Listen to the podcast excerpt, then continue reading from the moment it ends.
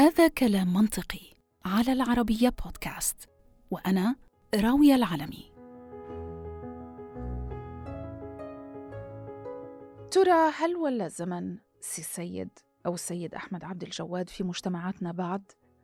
من أسابيع وبعد ما انتهيت من عملي وعدت لمنزلي كانت الساعة تقريبا بتشير ل 11 ونص قبل منتصف الليل. طبعا أهل البيت كلهم نيام. وأنا عدت للتو من مكان مضاء بشكل آه، كبير وبشدة وساعات من التحديق في monitor الأخبار وأصوات كتيرة ومتشابكة في غرفة أخبار قناة العربية.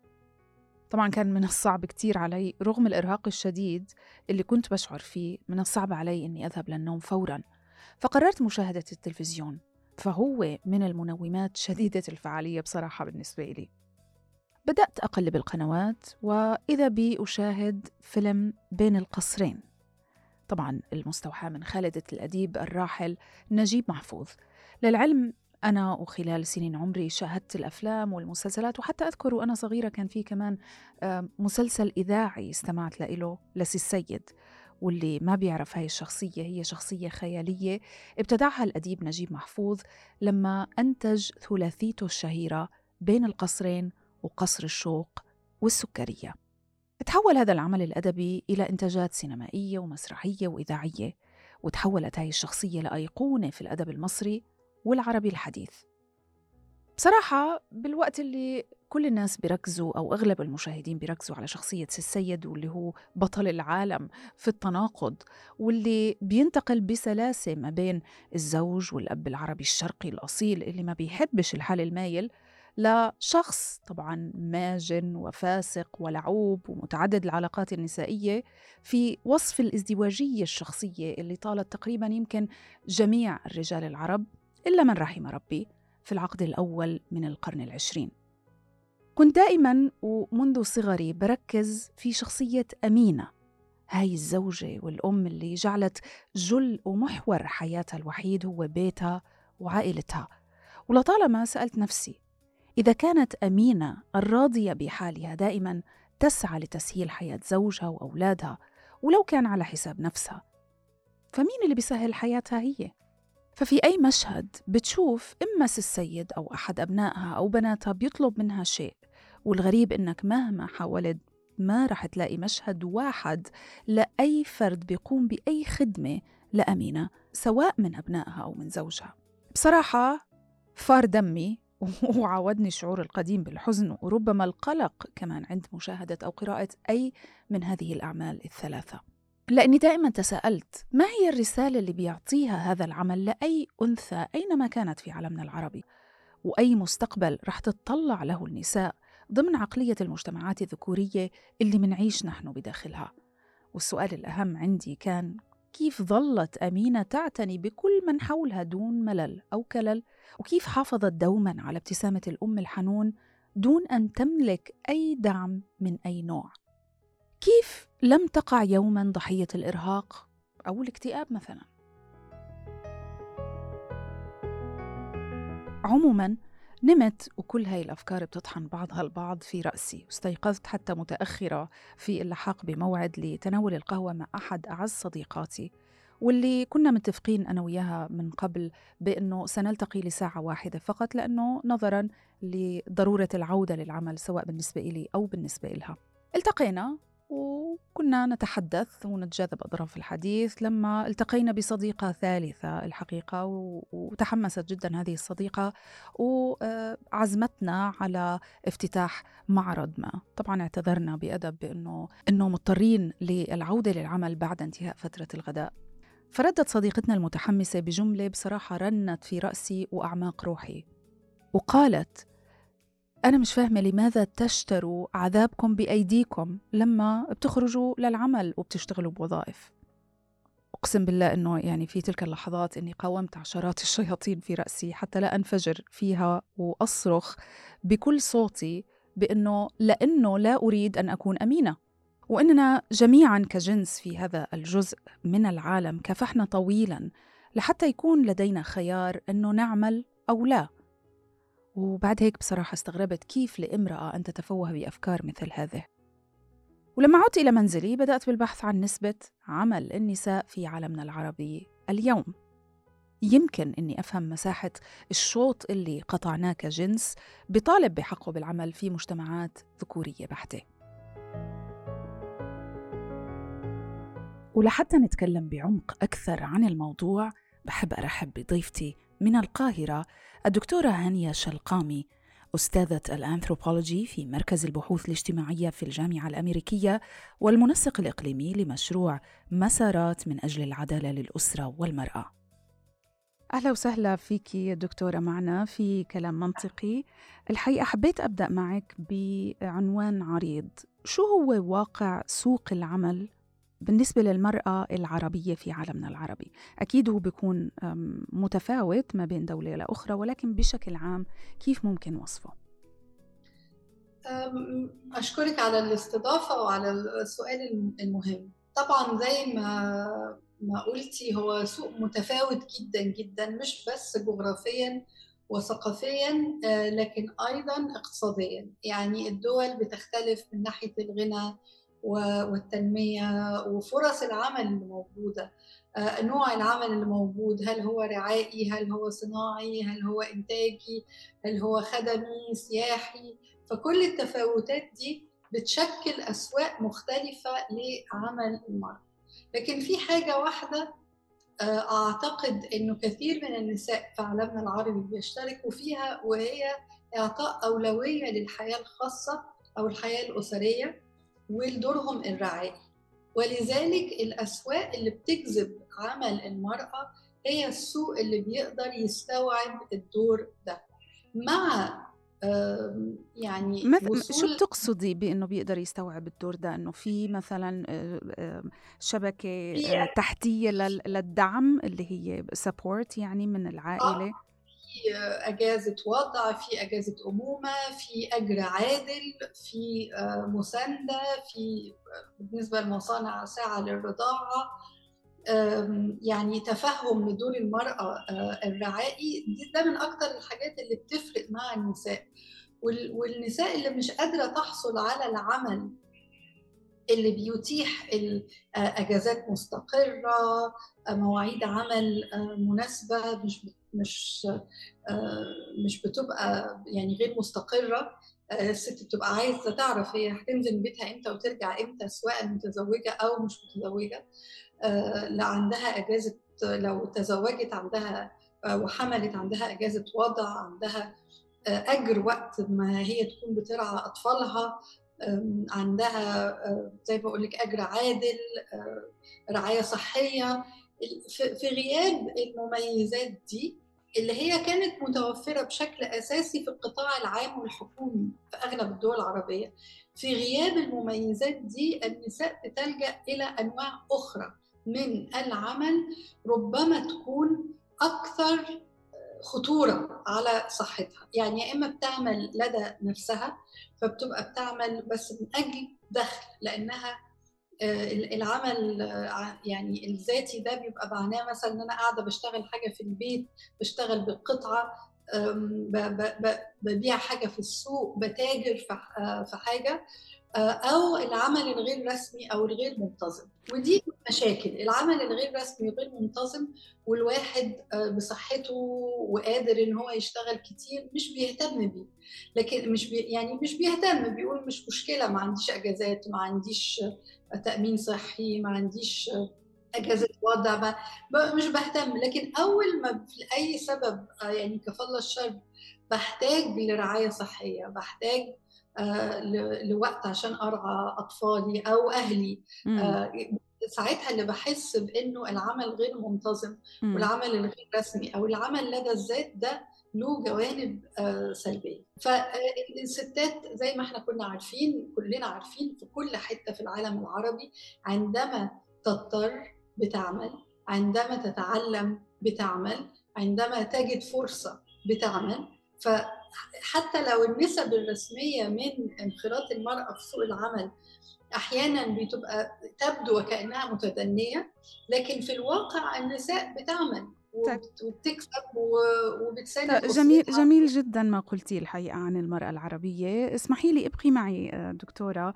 آه، دعيني آه، أكمل سرد القصة وعرض بعض الأرقام والدراسات عن سوق العمل كيف تقدم أو على الأقل النساء ما هي مكانتها في سوق العمل في بعض الدول العربية بحسب دراسة لعام 2021 ومنتابع الحديث.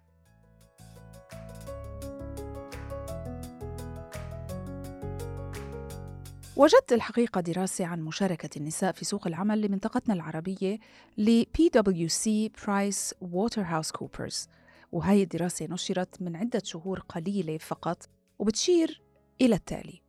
ثلاثة ألاف امرأة ورجل شاركوا في كل من السعودية والإمارات ومصر لدراسة مساهمة المرأة في سوق العمل لهذه الدول كعينة ودور أيضا الحكومات في سن قوانين وتوصيات لرفع نسبة هذه المساهمة. المهم خلصت الدراسة إلى أنه 66% من العينة بيؤمنوا أنه على الحكومات التدخل لفرض قوانين على القطاع الخاص وتحديدا لوضع كوتا أي نسبة دنيا على الشركات الخاصة إنها تمنحها للإناث ضمن أعداد العاملين فيها. تخيلوا الدراسة وجدت بأن 575 مليار دولار يمكن تحقيقها إذا ما سهل للإناث الدخول إلى سوق العمل. أيضا من نتائج الدراسة 56% من الإناث العاملات لا يشعروا بالتمييز عندما يصل الأمر للترقيات لمصلحة الذكور وهذا بيشير إلى أنه 44% منهم بيشعروا بهذا التمييز. ثلاثة من أكبر مخرجات هذه الدراسة أشارت إلى التالي. أولاً أنه الدراسات أثبتت أنه تنوع الأجناس في بيئة العمل بتحسن الأداء الاقتصادي للشركات. وأيضا في الشرق الأوسط ودول الخليج تحديدا فإنه إضافة المزيد من النساء لسوق العمل رح يوسع دائرة الاختيار للشركات خصوصا أنه اقتصادات هذه الدول بتسعى للتنوع بعيدا عن صناعات النفط والغاز.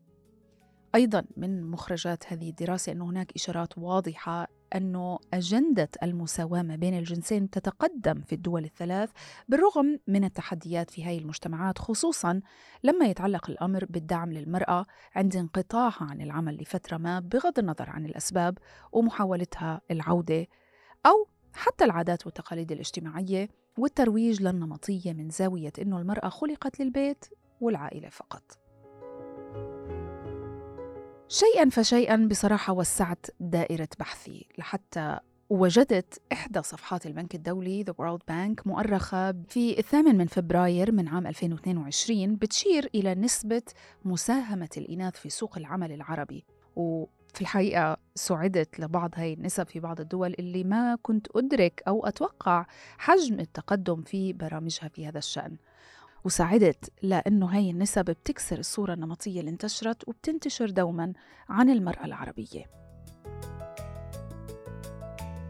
نتائج هاي الدراسة تتحدث وتقول بأن النسبة الكلية لمشاركة النساء في عالمنا العربي واللي بضم الشرق الأوسط وشمال إفريقيا هو 19.7% من كامل القوى العاملة في عام 2021 طبعا للأسف ولأسباب واضحة وهي الحرب. اليمن هي الدولة العربية الوحيدة اللي نسبة المشاركة النسائية فيها كانت أقل من 10% وكانت فعليا 8.1% أما العراق وقطر وعمان سجلوا أقل من 15% نسبهم على التوالي كانت 13.3%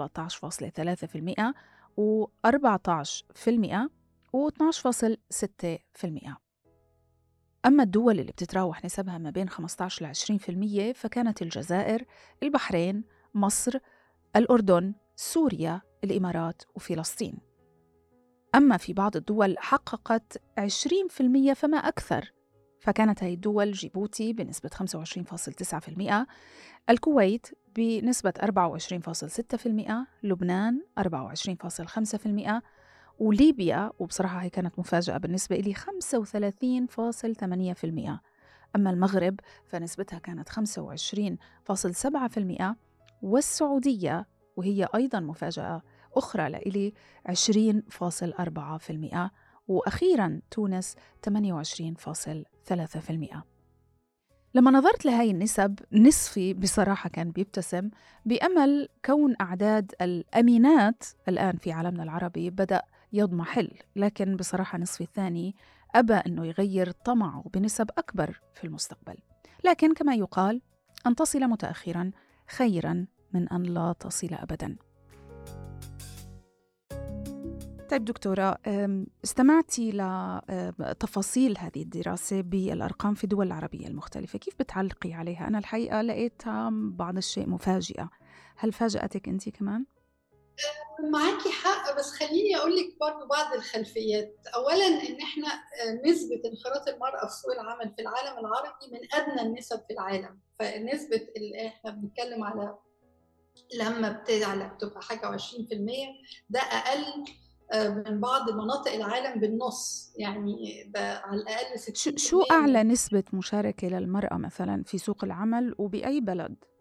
بالعالم. الحقيقة ما أعرفش الرقم ده يمكن لا يعني مش عايزة أقول حاجة مش مش مؤكدة أو مش حديثة لكن إحنا بنتكلم على نسب في عالميا بتتراوح من 50 ل 70 يعني اللي إحنا ال النساء بي بي يعني حتى مش 50 ل 50 وهذا بيعني إنه سوق العمل. بيبقى أعلى بيبقى في بعض المجالات أعلى. يعني انت انت عارفة لا أنا بتكلم على إن 50% من النساء في في الفئة العمرية اللي تقدر تشتغل فيها بتشتغل. امم أو وفي أغلب العالم أو العالم النامي يعني بيبقى 70% يعني. اللي مش بتشتغل عدد اللي مش بيشتغلوا أقل بكتير من عدد اللي بيشتغل. إحنا عندنا العكس. إحنا لما تبصي على النساء مجمل النساء في سن العمل هتلاقي الأغلبية مش بيشتغل. أو بيقولوا إن هم مش بيشتغلوا. إحنا عارفين احصائيا إن ده مش حقيقي. هي بس المرأة بتعرف بتعرف العمل بطريقة بتهدر عدة أعمال بتقوم بيها. وهي مش بس العمل الرعائي لكن العمل من المنزل أو لدى الأسرة دون أجر. العمل الغير منتظم. لا على هيك معنى معنى هذا دكتورة إنه كل النساء العربيات عاملات إحنا نسبة المشاركة 100% اذا إذا بدنا نحسب شغل البيت ورعاية أطفالها وزوجها وبيتها وما إلى ذلك.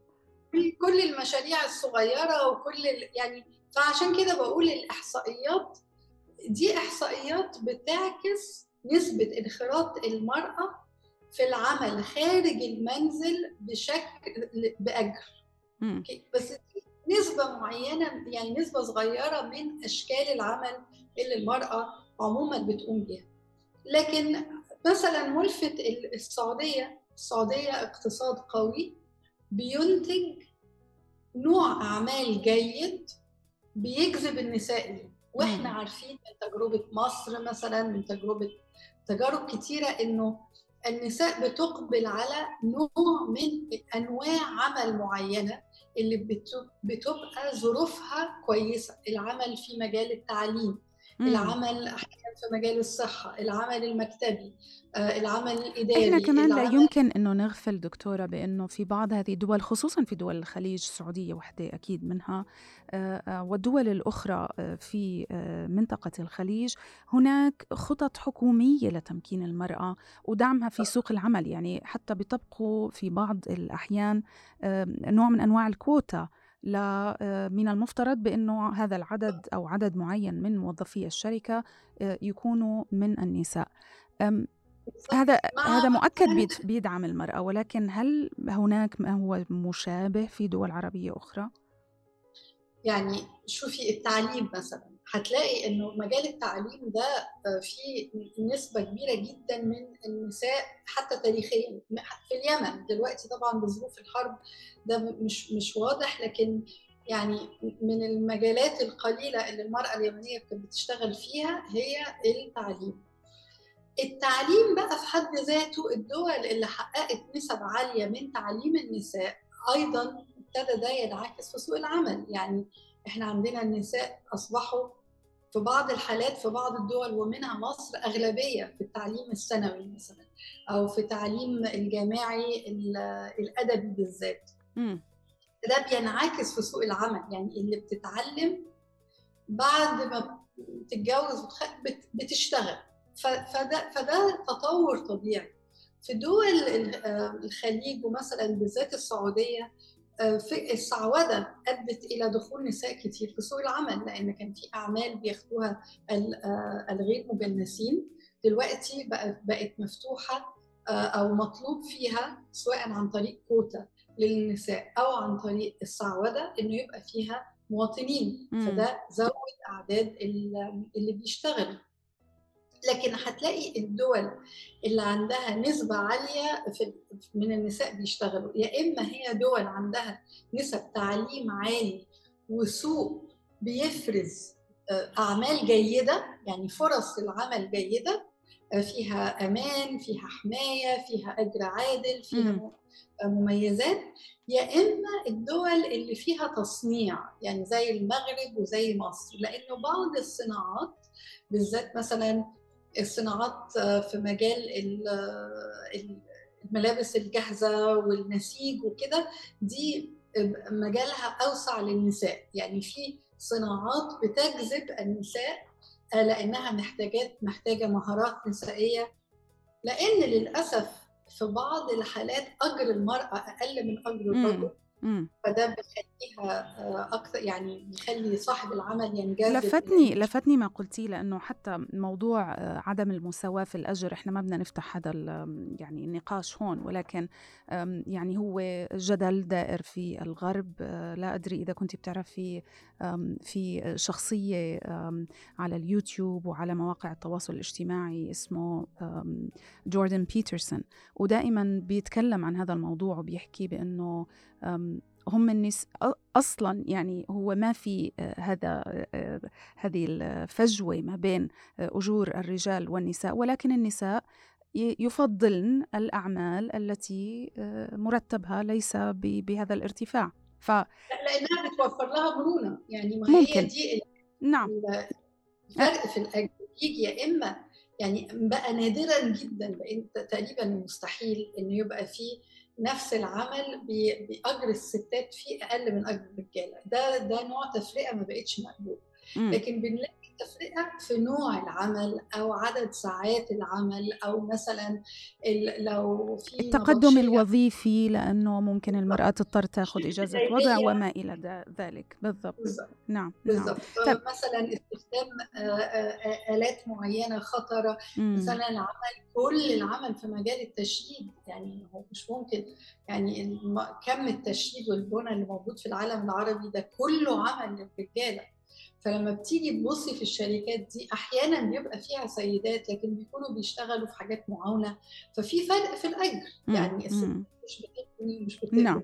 مش كرين ولا winch والحاجات دي مع إنه بس للتذكرة إن العمل ده لا يحتاج إلى قوة بدنية لأن أنا بسوق عربية. يعني أنا الكرين هو بالضبط لأنه اختلفت يعني إحنا بطلنا حتى يعني بطلنا في زمن إلغاب إنه بدنا نطلع نصيد حيوانات ضخمة يعني والنساء تعتني بال بالأطفال داخل الكهوف. طيب هذا يقودني لسؤال آخر دكتورة. ذكرتي في بداية حديثك بإنه بالطبع هناك أنواع مختلفة من الأعمال دخول المرأة إلى سوق العمل العربي وإن كان يمكن خطوة إلى الأمام ولكن ما زلنا متأخرين عن العالم.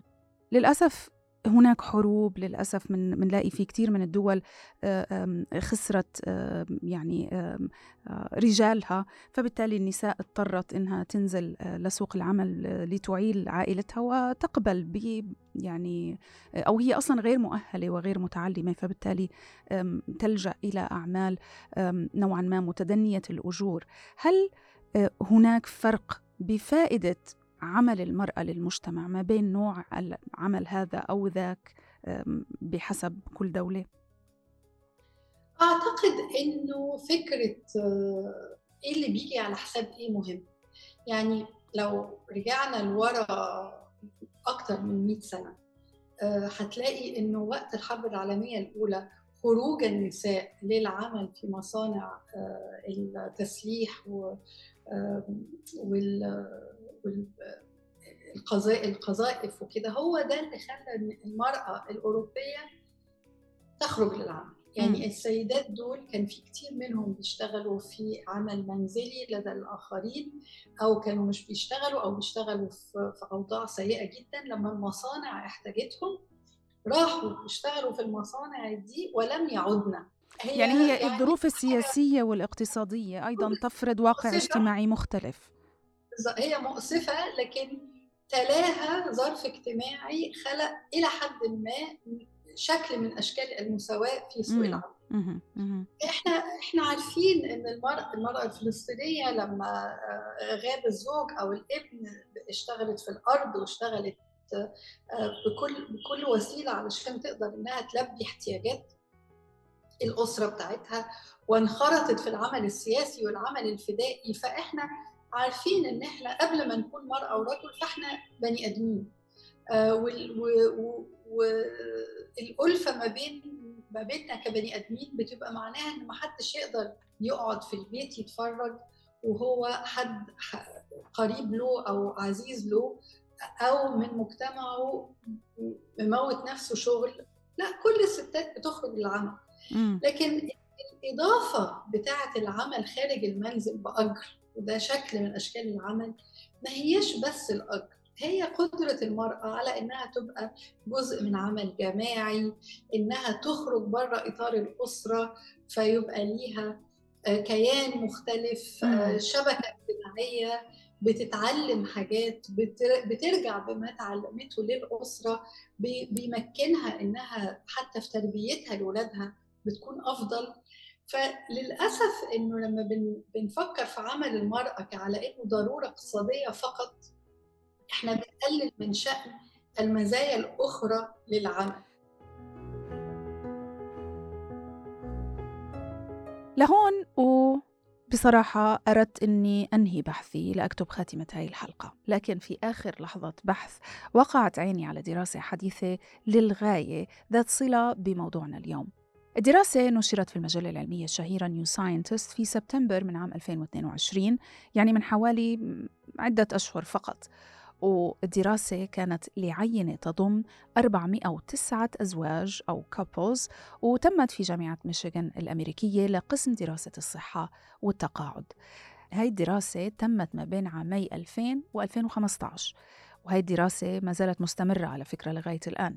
ولكن قام الباحثون بفحص الأزواج الذين تجاوزت أعمارهم الخمسين عام عن طريق استبيان بيقوموا في هؤلاء الأزواج مرة كل سنتين ويجيبوا على أسئلة متعلقة بالعمل والوضع الاجتماعي حالتهم النفسية بالإضافة أيضا لأسئلة أخرى. جميع من تم فحص وتحليل إجاباتهم كانت أعمارهم ما بين 65 و 75 عام لما ساهموا بإجاباتهم. الدراسة كان هدفها تأكيد أو نفي أن النساء اللواتي يعملن خصوصا في مرحلة منتصف العمر يكبرن بالسن مع احتمالات منخفضة جدا في الإصابة بالاكتئاب بينما هم يكبرون طبعا. على فكرة منتصف العمر ممكن يعرف غالبا ما بين آه، سن الأربعين والستين عام مع أنه بعض الباحثين وسعوا هاي القاعدة لحتى تشمل ما بين 35 ل 65 عام مؤخراً. في هذه الدراسة فقط نظر الباحثون إلى أنماط العمل لمن هم بين 50 ل 59 عام يعني قبل سن التقاعد بقليل. واتفقوا على أنه معيار ساعات العمل المشمولة في الدراسة لا يجب أن تقل عن 20 ساعة عمل في الأسبوع الواحد. في الدراسة تبين أنه 248 couple كانوا ثنائي الدخل أي أنه كلا الزوجين يعمل دواما كليا. و161 couple كانوا أحادي الدخل بحيث يكون الزوج وحده هو الذي يعمل. الباحثون قاموا أيضا بقياس عدة أوجه من إجابات المشاركين ووضعوا طريقة قياس من صفر لواحد حيث كلما اقترب التقييم من واحد كانت إشارة إلى خبرة أو تعود أكبر في المشاعر. وقاموا أيضا بدراسة حالة المشاركين من ناحية السعادة والاكتئاب الوحدة والدافع أو المحفز. الدراسة وجدت التالي. النساء في العلاقات ثنائية الدخل كانوا صاحبات احتمالية قليلة جدا للإصابة بالاكتئاب في المراحل المتأخرة في العمر مقارنة بأولئك اللواتي في علاقة أحادية الدخل.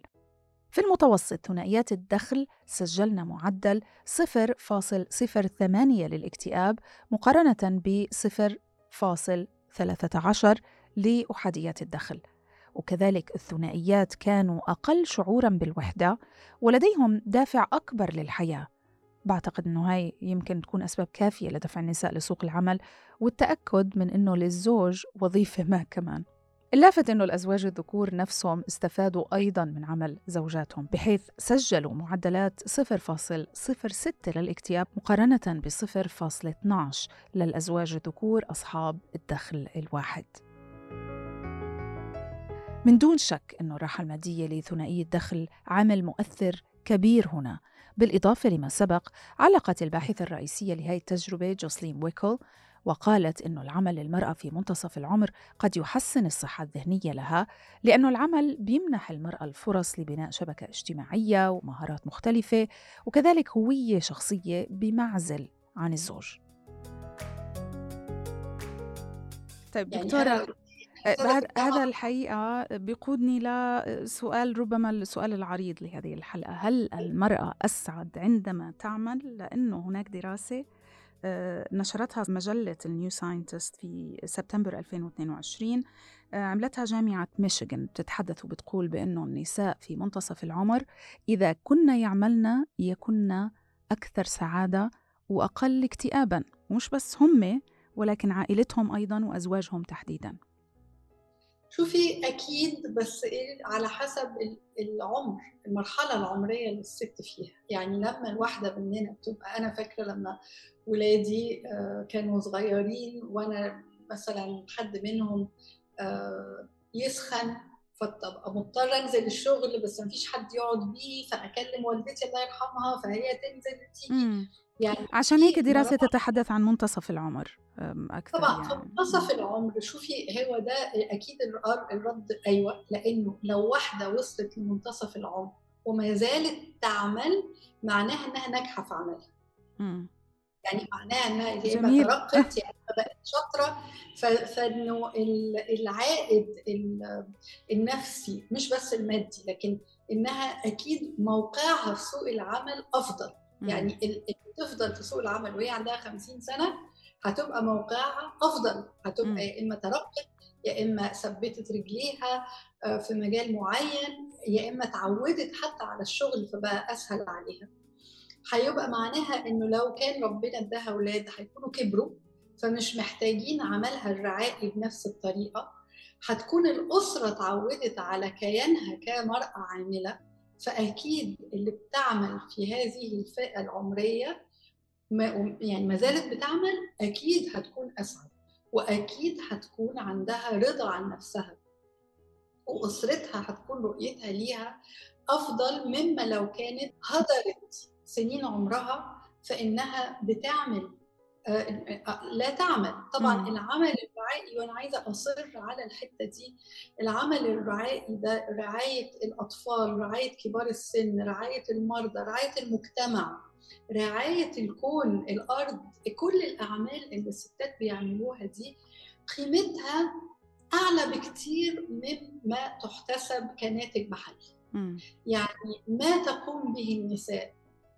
كرعاية إحنا بنهدره وبنعتبر إنها دي قاعدة في البيت ما بتعملش حاجة. وغير إنه يعني هو يعني كثير من النساء خصوصا الغير عاملات اللواتي وصلنا لمنتصف العمر كثير منهم بتلاقيهم أصلا بيعملوا بالمجال الخيري بدون أجر. وهذا شيء طبعا لازم يحتسب لهن يعني لهن. طبعا. عشان كده بقول لك رعاية الآخر يعني لازم نحسب الحاجة دي. لكن هرجع أقول لك في منتصف العمر لو عملك الرعائي غير مطلوب ده بيأثر في نفسيتك.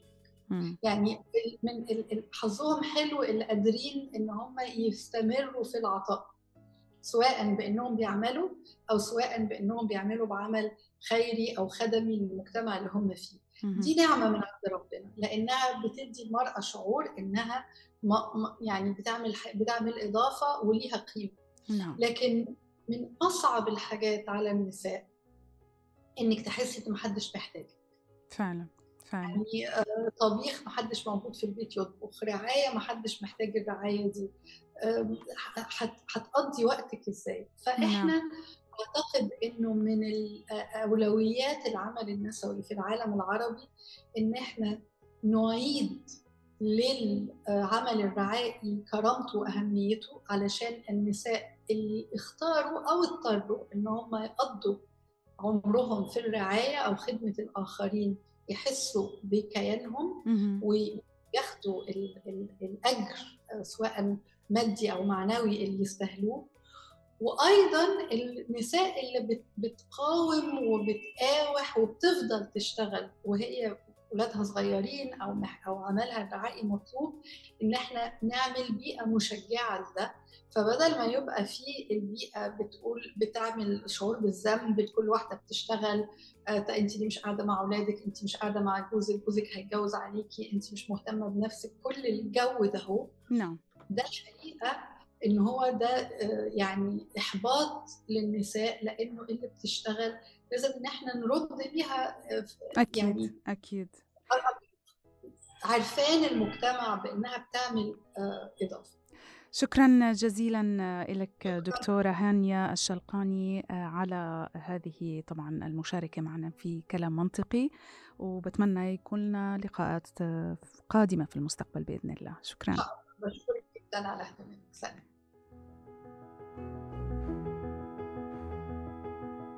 في ختام حلقتنا.